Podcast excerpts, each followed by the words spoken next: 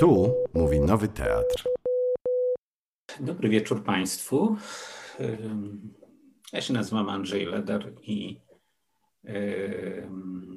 dzisiaj będę opowiadał drugi raz o psychoanalizie bytów nieludzkich. Może jeszcze powiem dla osób, które nie były poprzednio o tym, że jestem filozofem. Pracuję w Instytucie Filozofii i Socjologii Polskiej Akademii Nauk. Jestem też e, praktykującym psychoterapeutą. E, a teoria psychoanalityczna jest jedną z tych teorii, które mnie najbardziej interesują, filozoficznie właśnie.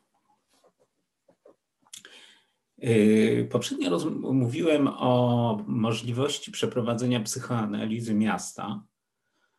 To była taka idea, która wywodziła się z myślenia freudowskiego, zresztą była bezpośrednio pomysłem Zygmunta Freuda, który y, w ten właśnie sposób y, wyobraził sobie badanie y, takiego miasta, jakim jest Rzym. Tam właśnie mm, dostrzegł takie podobieństwo miasta do snu, w którym analizując obrazy można dotrzeć do jakiejś historii, historii życia indywidualnego człowieka albo historii miasta. E, dzisiaj e, podstawowym narzędziem, którym będę się posługiwał, będzie psychoanaliza Jacques'a Lacana. Ona jest e, znacznie bardziej abstrakcyjna niż psychoanaliza freudowska. A abstrakcyjna jest między innymi dlatego, że opiera się na językoznawstwie, dwudziestowiecznym, przede wszystkim na językoznawstwie strukturalistycznym. Ale nie będę zbyt dużo opowiadał o samym językoznawstwie, natomiast niektóre pojęcia będę czerpał, ale y, z niego. Natomiast y, to, co jest y, obiektem naszego dzisiejszego badania, to byt bardzo szczególny, chyba nawet bardziej szczególny niż miasto.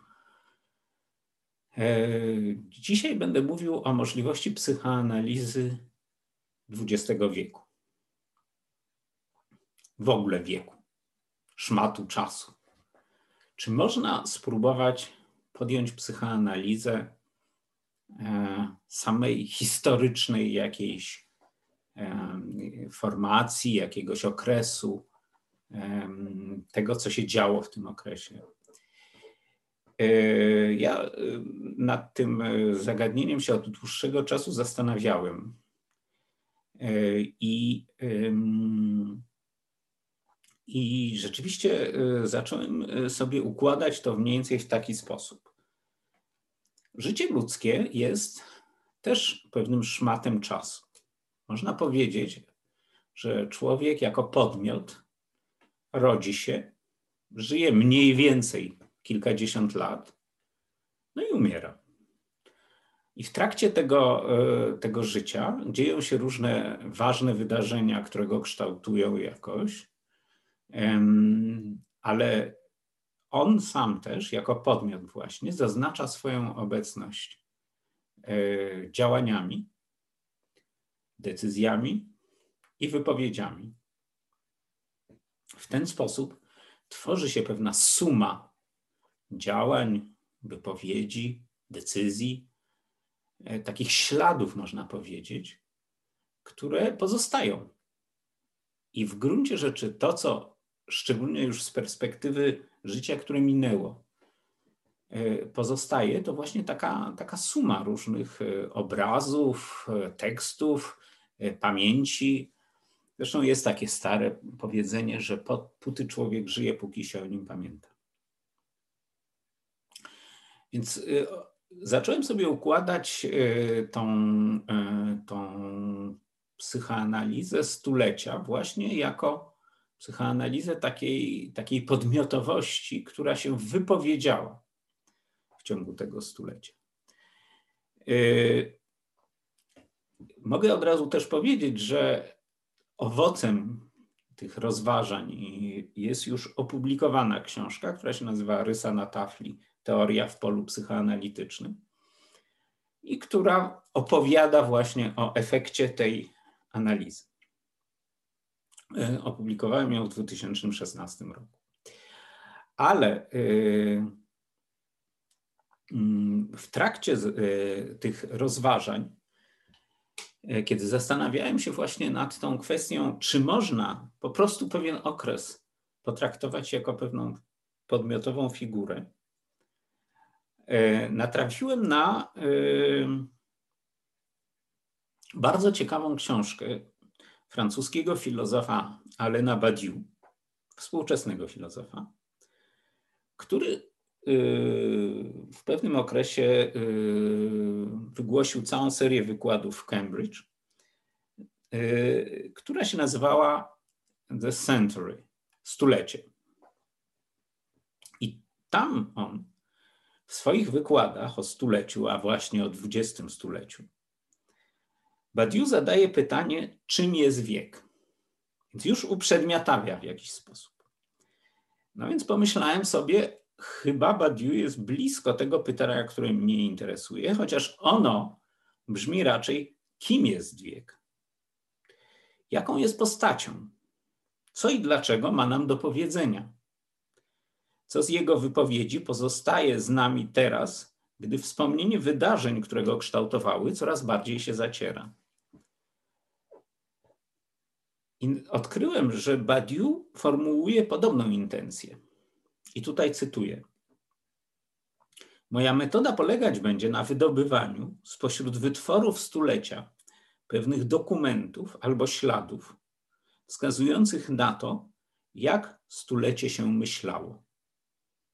To jest bardzo ciekawe zdanie, dlatego że ono po pierwsze mówi o podobnej trochę intuicji, mianowicie, że e, badając y, pewne dokumenty, ale też ślady, y, pewne znaki i znaczące tego stulecia, możemy dotrzeć do tego, jak stulecie samo o sobie myślało, jak siebie myślało. Nie tylko o sobie, ale siebie, jak wypowiadało swoją istotę, można powiedzieć, w tych właśnie różnych tekstach. I dalej y, Badiu pisze. Bardziej pre precyzyjnie jak stulecie myślało swoją własną myśl, jak ujmowało myślą szczególny charakter relacji, która wiązała je z historycznością własnej myśli. Czyli przede wszystkim mamy tutaj myśl, która ujmuje myśl, a po drugie wiąże ją z historycznością, z dziejami. No od razu wyczuwamy tutaj trop, który był zresztą podobny do tego tropu, e, który odkryliśmy w opowieści o mieście, to znaczy, że próbujemy aktualny kształt pewnych obiektów e, powiązać z historią, widzieć je jako ucieleśnienie pewnej historii. Ja się skupiłem e, w swoim badaniu na wypowiedziach filozoficznych. Uznałem, że być może one najbardziej pomogą Y, zrealizować ten postulat, o którym tutaj jest mowa, to znaczy, że stulecie myśli swoją własną myśl. Bo taka jest cecha filozofii. Filozofia zastanawia się nad myślą swoją własną i epoki, w której żyje. Taka jest, taki jest charakter y, refleksji filozoficznej, w szczególności w nowożytności. I y, i nie będę też ukrywał, że było mi, dla mnie to stosunkowo łatwe, bo filozofia XX wieku e, to jest po prostu obszar mojej pracy od dawna, więc ją znam i mogłem e, dobrze rozumieć, co się w niej działo. Ale e, to, co dla mnie było ważne, to nie czytać filozofii jako filozofii po prostu, tylko jako wypowiedzi tego podmiotu, tej takiej osoby zbiorowej, jaką e, był XX wiek i od razu dodam XX wiek Zachodu, to znaczy XX wiek e, no, tej cywilizacji, w której żyjemy, e, z jej tymi właśnie najbardziej dzisiaj funkcjonującymi w kanonie tekstami filozoficznymi. No to jest pewna decyzja ograniczająca, Pewnie można by taką y, analizę przeprowadzić dla XX wieku w Indiach, Ale po pierwsze, my żyjemy w polu wypowiedzi tej osoby, jaką jest myśl Zachodu. E, nawet jeżeli teraz w ramach e, całej myśli postkolonialnej bardzo wiele innych wątków przenika do, e, do myśli zachodniej. A po drugie,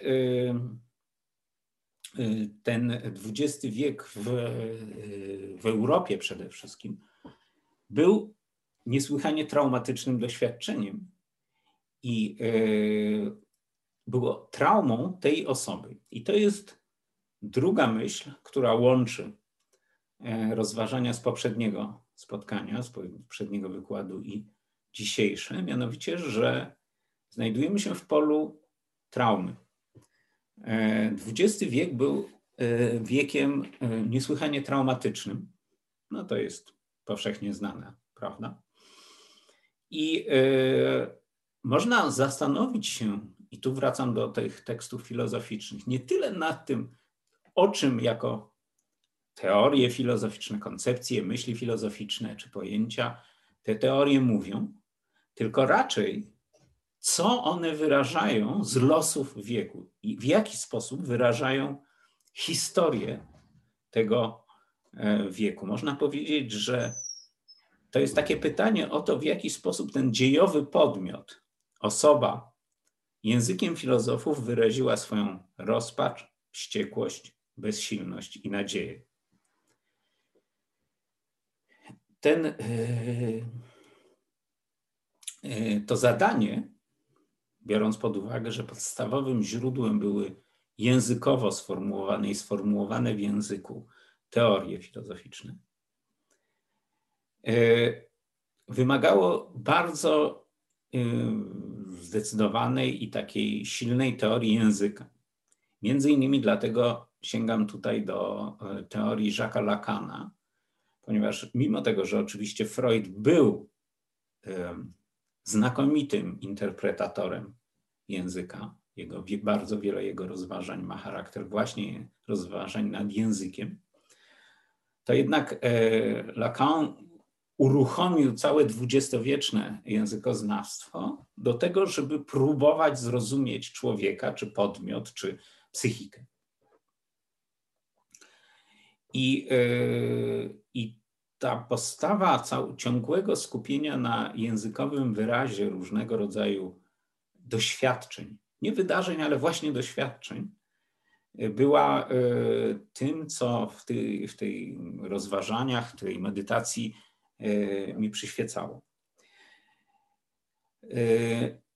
To, co było dla mnie bardzo ciekawe, to to, że jeżeli ogląda się język jako splątany z dziejami, jako właśnie taki e, wyrażający doświadczenie, to on wtedy staje się nie tylko czymś, co opowiada o pewnych wydarzeniach, czyli tak jak gdyby takim zewnętrznym lustrem, ale przede wszystkim dostosowuje swoją naturę, swoją strukturę, charakter, a nawet powiedziałbym smak i konsystencję do przemian i paroksyzmów dziejowego podmiotu. Kiedy napięcia owym podmiotem miotające stają się nieznośne, język wyrozumiale przekształca się, by swoim porządkiem wypowiadania nieco chociaż ochronić ten nieszczęsny, e, rzucający się i miotający podmiot przed nim samym. Można powiedzieć, że w związku z tym, i znowu jest to bardzo psychoanalityczny wątek, najciekawsze jest to, czego język nie mówi. To, co na różne sposoby porzuca, albo ukrywa, albo wykręca, przekłamuje. To jest bardzo współczesna w gruncie rzeczy refleksja, dlatego że żyjemy w czasach, kiedy e, różnego rodzaju przekłamania, e, różnego rodzaju fałsze, różnego rodzaju no, postprawdy, jak się o tym często mówi, fake newsy, jeżeli używamy tego angielskiego słowa, e, bardzo silnie funkcjonują jako przysłony różnych prawd. Do tego stopnia, że często bardzo trudno nam sformułować właściwie, co te e, kłamstwa albo przekłamania mm, e, przesłaniają. Ale śledzenie tego w, przeszłości jest niezwykle ciekawe, bo ta przeszłość, jaką jest oddalający się już XX wiek, jest pewną całością. Daje się rozumieć jako pewnego rodzaju całość.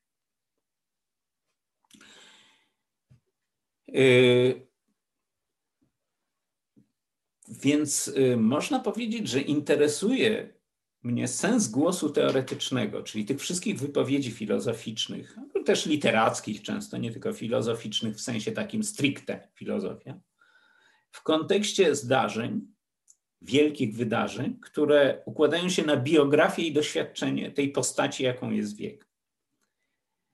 I od razu zaznaczę, indywidualne biografie poszczególnych myślicieli w ogóle tutaj nie są ważne. To znaczy to, że Edmund Husserl urodził się gdzieś tam na Morawach e, i, e, a zmarł w Louvain wypędzony z hitlerowskich Niemiec, e, w ogóle nie ma żadnego znaczenia.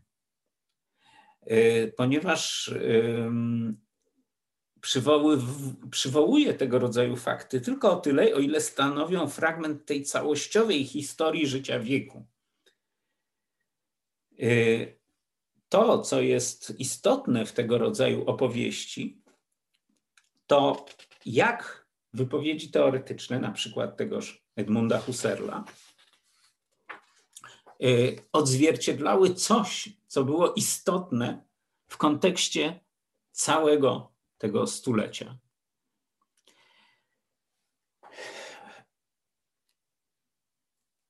Można zapytać, czy w ogóle tego rodzaju postępowanie jest uprawnione. Ja będę do tego pytania wracał w, w różnych kontekstach, ale zacznę od tego, że to jest w ogóle y, długa dyskusja, która y, pojawia się i w obrębie teorii psychoanalitycznej, i nie tylko, na ile uprawnione jest badanie e, podmiotów zbiorowych? E, I czy można w ogóle mówić o czymś takim jak podmiotowość zbiorowa? Socjologia na przykład bardzo niechętnie patrzy na tego rodzaju myślenie, mówiąc, że w ogóle prawa e, rządzące z dużymi grupami ludzkimi są zupełnie inne niż prawa rządzące indywidualnym istnieniem. Te, te pierwsze bada właśnie socjologia, te drugie psychologia.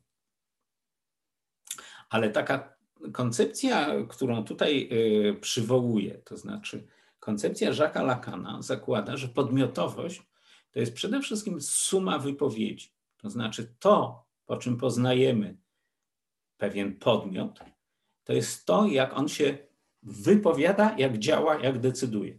Każda, każda z tych sytuacji, o których wspominam, jest pewnego rodzaju aktem, Używa się czasem określenia akt performatywny, w każdym razie czymś, co zmienia sytuację w świecie. Właściwie w żaden inny sposób nie dowiadujemy się o podmiocie, bo nawet jeżeli zajmujemy się wyglądem zewnętrznym pewnego podmiotu, to też jest e, do jakiegoś stopnia ekspresja jego podmiotowości. No chociażby dlatego, że na przykład ja kupiłem sobie takie ramki do okularów, a nie inne albo strzygę brodę w taki sposób, a nie inny i tak dalej, i tak dalej. Już nie mówiąc o tym, że przede wszystkim jednak jako podmiot poznawany jestem przez swoje wypowiedzi, to znaczy przez no, chociażby ten wykład, który prowadzę, albo teksty, które piszę i tak dalej, i tak dalej. I y, w tym sensie y, y, można powiedzieć, że jeżeli mamy jakiś zbiór wypowiedzi, który daje się ograniczyć jako pewna całość, to e, mamy do czynienia z pewną podmiotowością, która te wypowiedzi ukształtowała, która stworzyła pewne regularności, powodujące, że w tym zbiorze pewne wypowiedzi się pojawiają, a inne nie. Na przykład, kiedy opowiada się o historii Polski, to jest dzisiaj gorąca sprawa, przez długi czas w zasadzie trzeba było mówić o tym, w szczególności historii II wojny światowej, że e, w momencie, kiedy odbywała się zagłada, Polacy pomagali Żydom. Odkrycia, które były, zaczęły się od książki Jana Tomasza Grossa Sąsiedzi, a potem w wielu innych pojawiły się świadectwach, pokazywały, że czasem pomagali, a czasem wręcz y, nie pomagali albo wręcz zabijali. I, y, I to jest wypowiedź, która Polski, dla polskiego podmiotu jest bardzo trudna i zresztą ona stała się w związku z tym politycznie trudna. E, wiadomo o tym, że e, podmiot polityczny, który doszedł do władzy w 2015 roku, a który reprezentuje znaczącą część polskiego społeczeństwa, e, chciał wręcz prawnie zakazać wypowiadania takich wypowiedzi. W tym sensie pewna podmiotowość kontroluje to, jakie wypowiedzi są możliwe, a jakie są niemożliwe dla danego podmiotu. I wpływa na nie E, za pomocą różnych e, środków. Podobnie zresztą w życiu u człowieka indywidualnego, to znaczy prawie każdy wie, że pewne rzeczy jest gotów wypowiedzieć, a innych rzeczy nie jest gotów wypowiedzieć, szczególnie publicznie. I, e, I ta granica określa pewne jego, jego podmiotowość, a czasami nie wie nawet, gdzie jest ta granica, ale po prostu jej nie przekracza. I można powiedzieć, że suma jego wypowiedzi E, również tworzy pewne takie pole podmiotowe, w którym on e, funkcjonuje. A wszystko to w ogóle wzięło się z samej techniki psychoanalitycznej, ponieważ polega ona w dużym stopniu na tym, że psychoanalityk słucha wypowiedzi. Słucha wypowiedzi pewnej osoby, które powinny płynąć dość swobodnie, i dzięki temu, że płyną dość swobodnie, wyłania się pewien obraz tego, jak podmiot raczej nieświadomości niż świadomości, tak w każdym razie o tym psychoanalitycy myślą, e, e, się wypowiada. Czyli można zrekonstruować e, ten podmiot.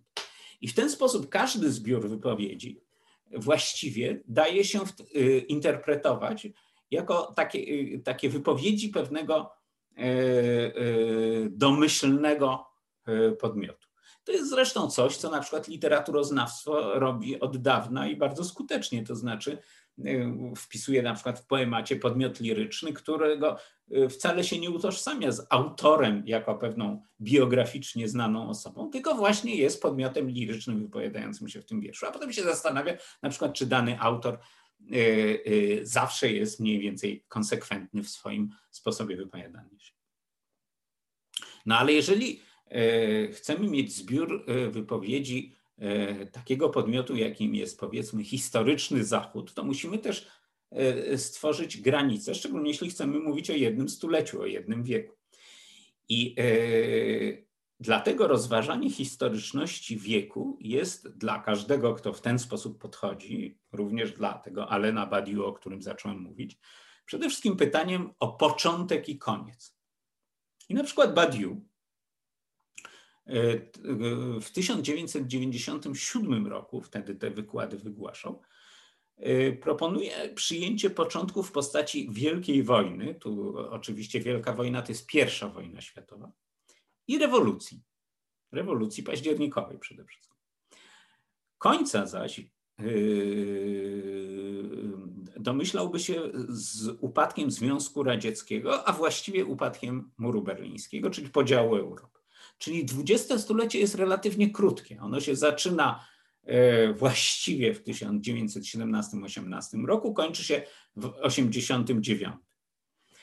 E, I tak jest wystarczająco intensywne, żeby, żeby e, mieć o czym opowiadać.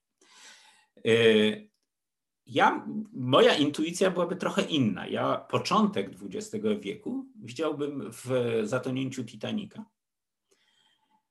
i e, jako pewnym zwiastunie katastrofy. E, chociaż zgadzam się, że właściwie XIX-wieczny fin skończył się w 1914 roku, to znaczy w momencie wybuchu e, I wojny światowej, a koniec XX wieku widziałbym w obrazie płonących wież World Trade Center 11 września 2001 roku sądzę, że wtedy właśnie coś się naprawdę skończyło. Bardzo ciekawe jest to, że mimo tego, że y, mówimy bardzo dużo, y, analizując tego rodzaju zbiorowe podmiotowości albo nieludzkie podmiotowości, o wypowiedziach, języku i tak dalej, to jednak kiedy próbujemy wyznaczyć jak gdyby granice, posługujemy się obrazami. Obraz tonącego Titanika, obraz zamachu na arcyksięcia Ferdynanda w Sarajewie i tego Mm, straszny obraz okopów I wojny światowej e, z e, tysiącami, dziesiątkami tysięcy ludzi, którzy giną po to, żeby przesunąć linię frontu o 100 metrów, mm, e, czy obraz właśnie płonących wież World Trade Center. Zacytuję tutaj filozofa, którego obdarzam bardzo silnym i pozytywnym uczuciem, który Pisze o tym w sposób enigmatyczny, a jednak taki przejmujący. To jest Walter Benjamin. I e, pisze on e, o obrazach, które pojawiają się w dyskursie historycznym. Obrazy bowiem to marzenia, w których zbiorowość usiłuje zarówno znieść, jak i przemienić niedoskonałość społecznego wytworu. To jest bardzo dziwne zdanie, ale ono y, nie jest takie intuicyjnie zrozumiałe. Ale jedną rzecz y, chciałem je przytoczyć, dlatego że y, on pisze o tym, obrazy chronią ludzką świadomość, ludzką pamięć przed niedoskonałością, przed takim doświadczeniem braku, załamania, właśnie traumy. W języku E, Jacques'a Lacana ten, to wydarzenie to jest realne. I, e, i e, wydarzenie, które jest właśnie brakiem, które jest zaburzeniem, które jest tym, co rozbija nasze uspokajające obrazy. Realne to zawsze coś, co destruuje aktualnie istniejący porządek symboliczny, czyli pewien porządek naszych wyobrażeń.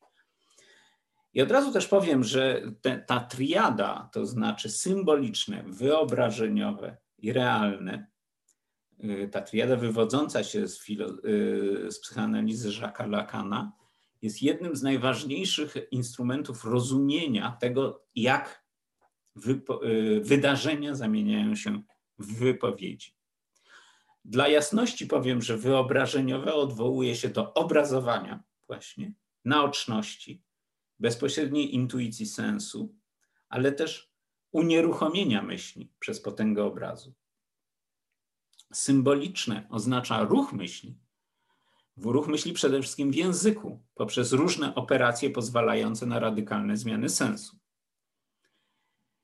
Realne zaś zrywa i zaburza ruch w polu symbolicznym, a jego negatywna obecność jest zawsze świadectwem, jak bardzo każda opowieść jest niewystarczająca. To znaczy, że jakkolwiek byśmy spróbowali stworzyć taką pełną teorię, która, y, która zamyka wszystko,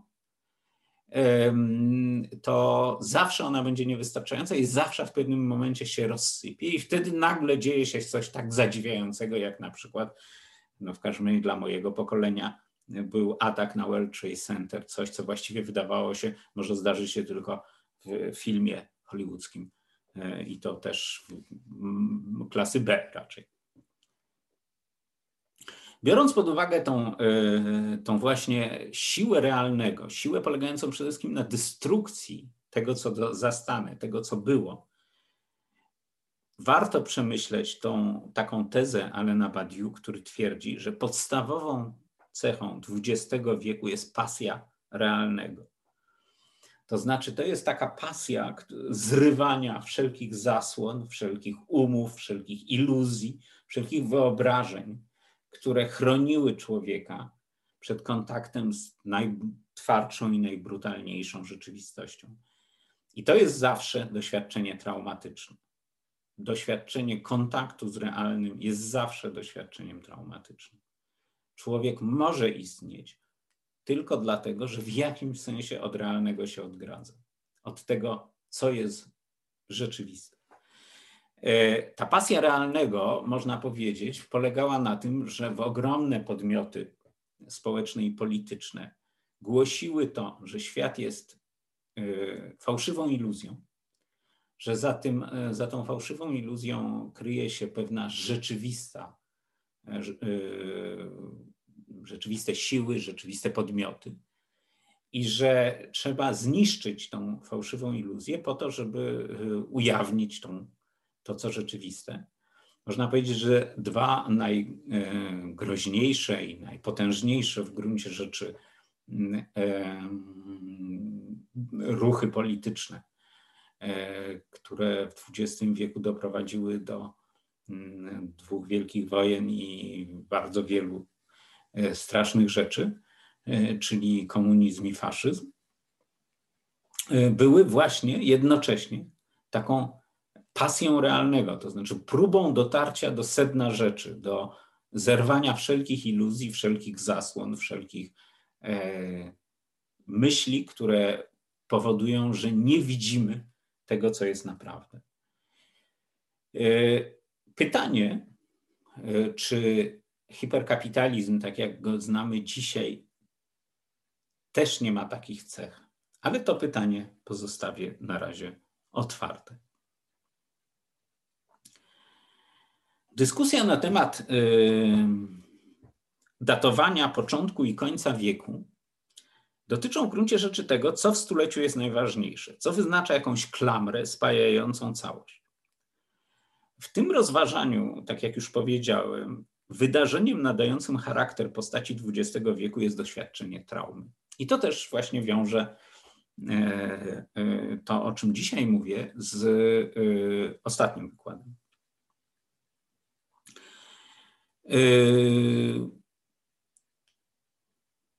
jednak trzeba pamiętać, i to o tym też mówiłem, że yy, kon, yy, konfrontujemy się z tym, że sens traumatycznego doświadczenia nigdy nie może być bezpośrednio uchwycony. Trauma wypowiadana jest stopniowo i właśnie poprzez pewnego rodzaju zasłony. Więc kiedy analizuje się różnego rodzaju myśli dwudziestowiecznego podmiotu, to nie jest tak, że on powie, no tak, oczywiście, e, ponieważ e, w pierwszej połowie wieku zdarzyła się zagłada i gułag, to w drugiej połowie wieku cały czas rozważamy traumy. Nic podobnego. Wypowiedzi, które się układają na, na drugą połowę XX wieku, układają się zupełnie inaczej. Najpierw następuje milczenie, bezpośrednio po okresie traumatycznym, to znaczy przyjmijmy to, e, okresie dwóch wielkich wojen. Potem e, następuje coś w rodzaju wielkiego pobudzenia. Mówimy tu o Zachodzie. To znaczy e, to, co, czego apogeum był 68 rok.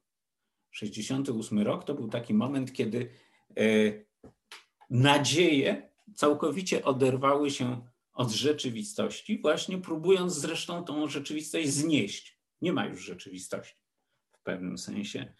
E, jedno z haseł paryskiego 68 roku brzmiało uciekaj towarzyszu, rzeczywistość jest tuż za tobą.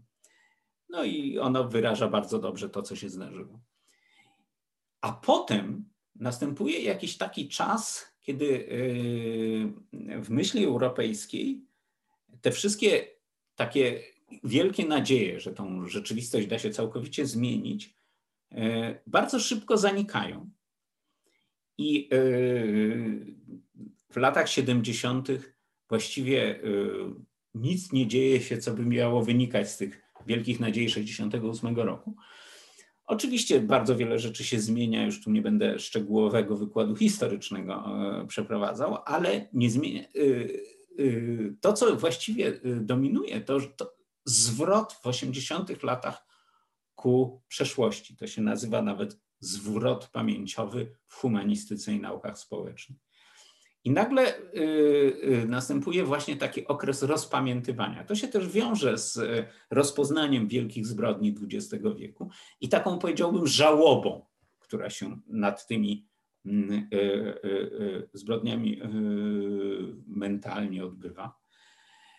A, a jednocześnie z takim właśnie mm,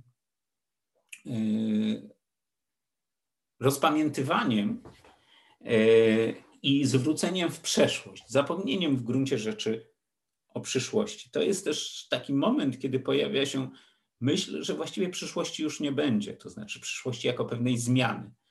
E, to jest e, lata 90., to jest e, moment, kiedy pojawia się teza wyeksplikowana przez Francisa Fukuyama. Ona jest starsza i w zasadzie sięga aż Hegla.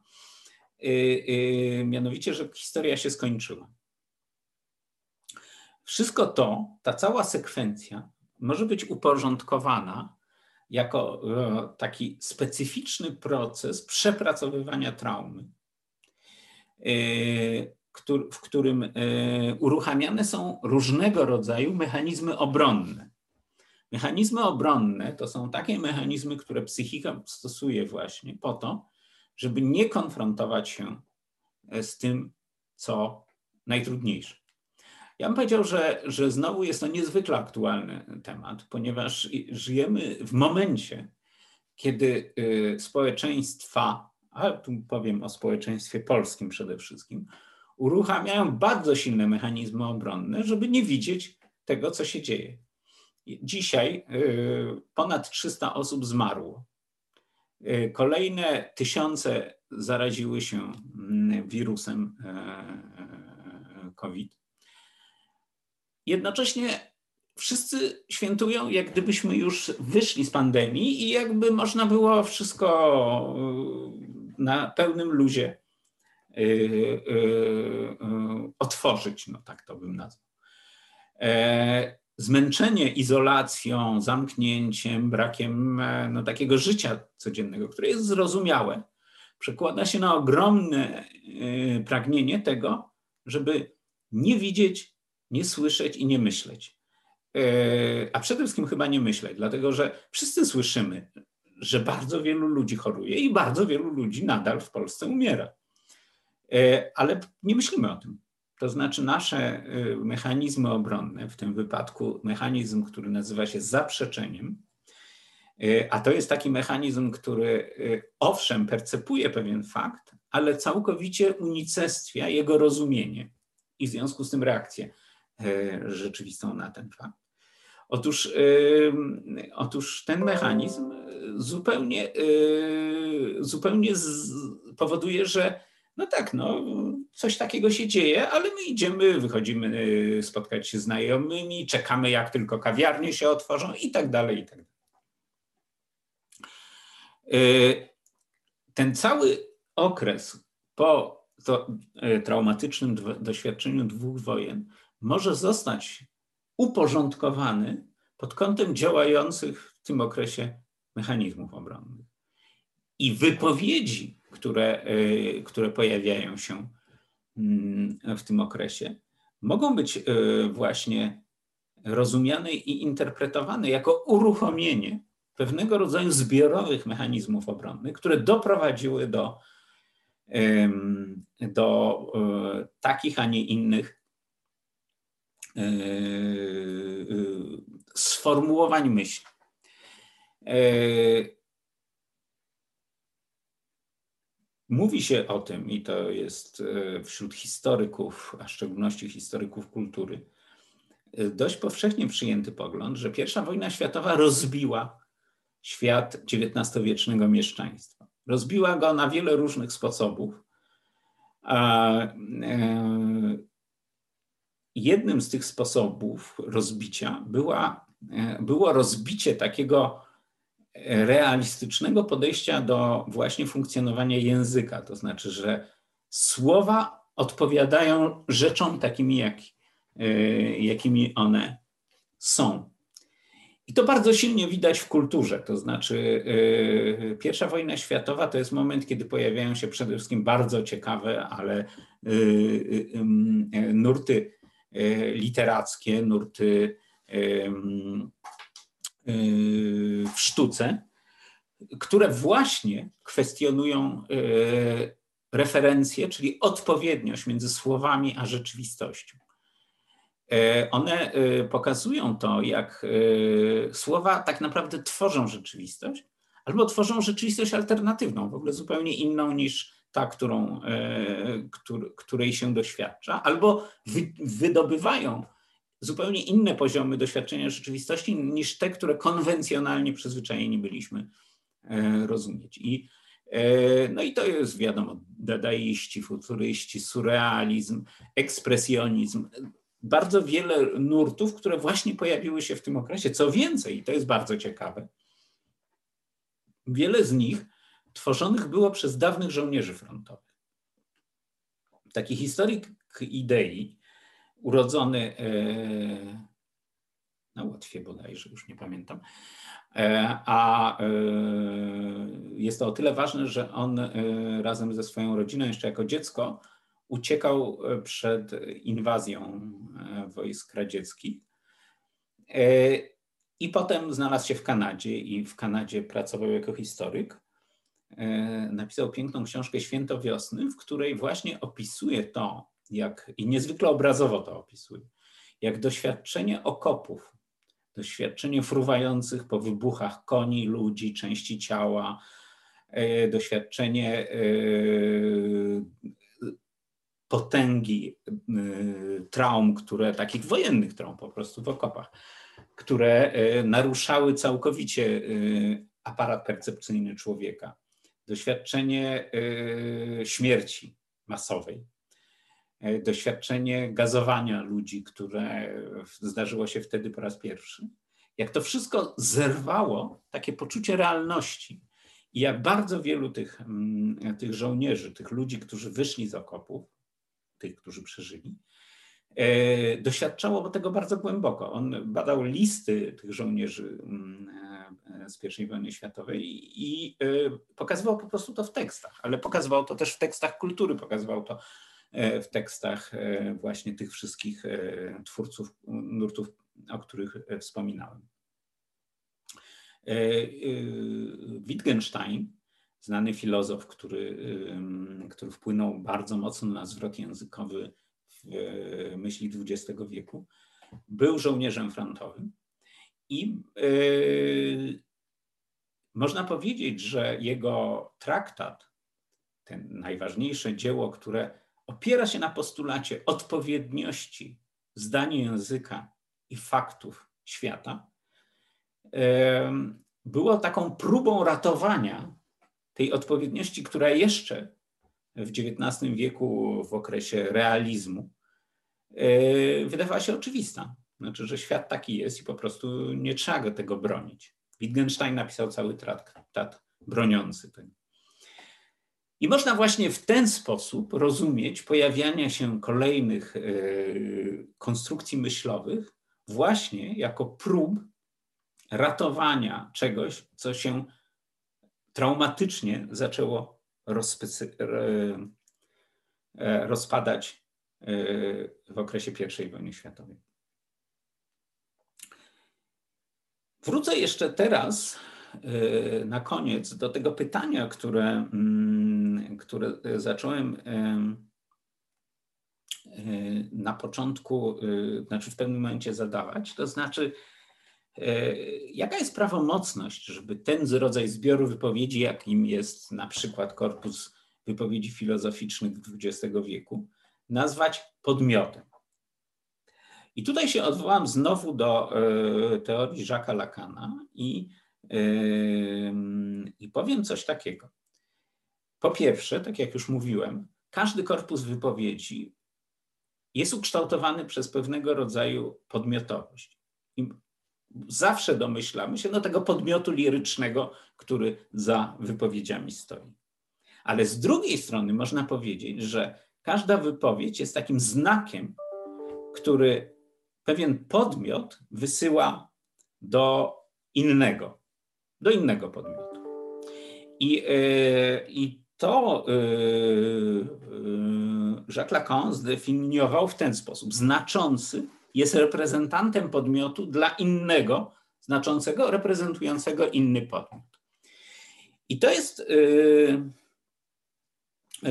taka bardzo ciekawa definicja, która pozwala wyobrazić sobie w gruncie rzeczy ten porządek, w którym ja dla państwa jestem za tą postacią, którą widzicie na ekranie. Co to znaczy? To znaczy, że na przykład ja tu jestem wykładowcą. I to jest ten znak, ten sens, który reprezentuje moją podmiotowość. Ale na przykład w, tym, w tej relacji, relacji z państwem, nie widać tego, że jestem ojcem.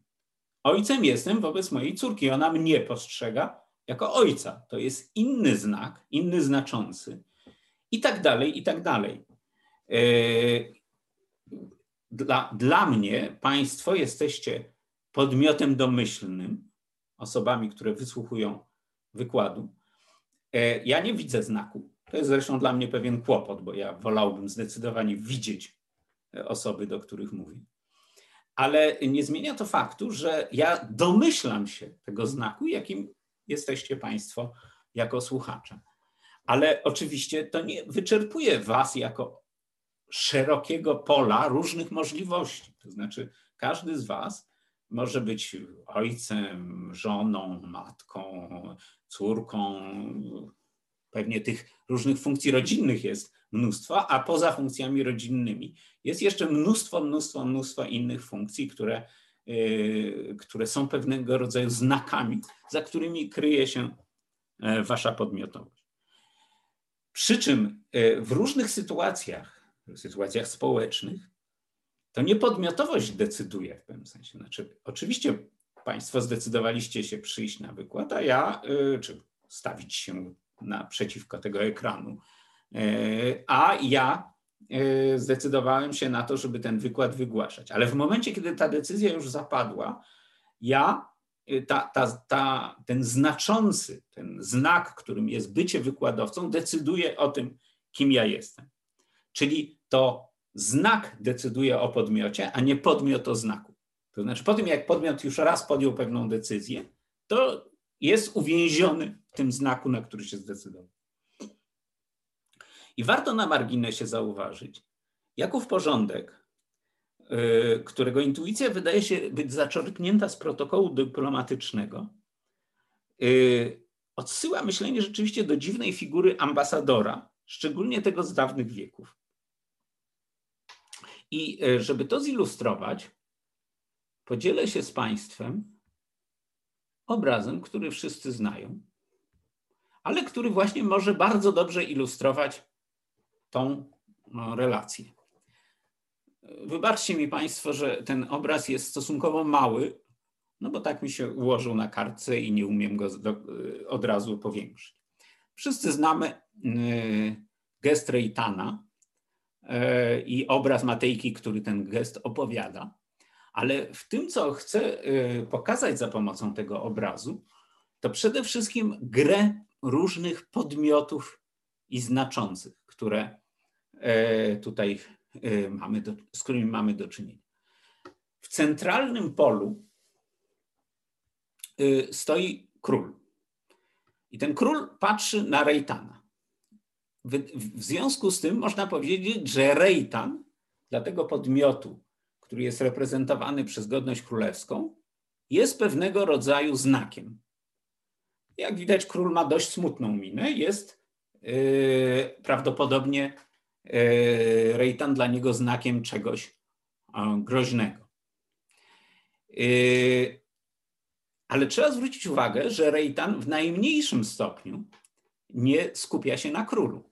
Spojrzenie Rejtana, to w trochę większym powiększeniu jest bardzo wyraźne, biegnie tu mianowicie, gdzie pokazuje strzałką. No i kto siedzi tam, gdzie spogląda Rejtan? Tam E, siedzi ten, kto jest rzeczywistym podmiotem tej całej sytuacji. Mianowicie ambasador Repnin w otoczeniu dam. Otóż Rejtan wie, że mimo tego, że ma przed sobą króla z całym jego majestatem, to tak naprawdę ta cała sytuacja jest e, e, kierowana, można powiedzieć, przez e, ambasadora Repnina. Ale ambasador Repnin też nie jest tym, kto jest ostatecznym podmiotem suwerennym tej całej sytuacji, Jego spojrzenie znowu nie biegnie ani w kierunku Rejtana, ani w kierunku króla. Nie biegnie nawet w kierunku żołnierzy, którzy stoją za drzwiami. Jego spojrzenie biegnie w kierunku portretu. Portretu carycy Katarzyny. To jest ten inny podmiot, wielki inny, który determinuje swoją siłą i swoją wagą całą, dy, całą dynamikę, cały dramat tej skomplikowanej sytuacji. Mamy tutaj więc grę różnego rodzaju podmiotowości, które się pozycjonują, przyjmują pewne pozycje wzajemnie wobec siebie. Ten rodzaj skomplikowanych sytuacji, a historia wieku jest tego rodzaju skomplikowaną sytuacją, e, znakomicie właśnie daje się e, e, opowiedzieć za pomocą narzędzi psychoanalizy lakanowskiej. Na koniec spróbuję odpowiedzieć, dlaczego w ogóle uważam, że warto podejmować tego rodzaju ćwiczenie. Czemu właściwie chcemy zobaczyć, a raczej usłyszeć, wiek XX jako postać? Otóż ma to coś wspólnego z naturą nauczania, lekcji, którą może nam ten wiek XX przekazać. I pytanie, jakiego rodzaju jest ta lekcja? Co to za pouczenie? Czy w ogóle trauma może być źródłem pouczenia? Trauma to przecież stan wyjątkowy duszy, zaprzecza porządkowi symbolicznemu, czyli pewnemu w ogóle porządkowi znaczeń, unicestwia czas i mediację. Dopiero żałoba jest wyznaczeniem miary traumy.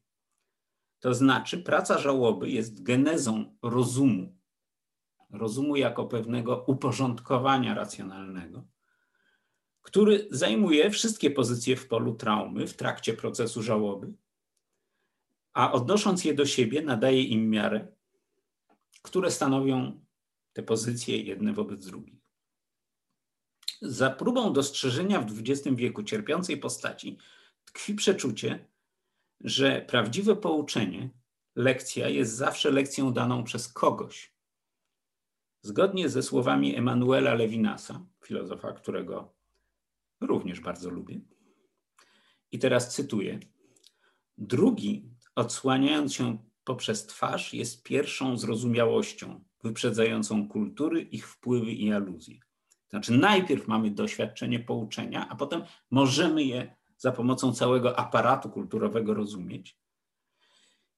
Y, I sens tego jest taki, że żywe nauczanie wymaga tego, żeby w tekście brzmiało jeszcze słowo. Gdy go nie ma, i teraz znów cytuję Lewinasa, kiedy głos egzegety ciśnie, bo nikt chyba nie odważy się wierzyć, że dźwięczy jeszcze długo w uszach słuchaczy, zapytuje, tekst na powrót nieruchomieje. Waga słów, y, to już jest, y, to był koniec cytatu. Waga słów wypowiedzianych przez kogoś, kogoś konkretnego, została rozpoznana pod koniec XX stulecia w kategorii świadectwa. Zwykle jednak świadectwo jest głosem, słowem jednej osoby, jednego człowieka, który opowiada. A to są przecież świadectwa losów zbiorowych, zapisy tworzone przez wielogłos, oddające doświadczenie społeczności trwających w czasie. I takim, takiemu świadectwu XX wieku można się przysłuchiwać, a jego traumatyczność ma taki sens, który zawarł w swoich słowach Theodor Adorno, y, i to będzie ostatni cytat w tym wykładzie. Potrzeba ekspresji cierpienia jest warunkiem wszelkiej prawdy, bowiem cierpienie jest obiektywnością, która ciąży na podmiocie.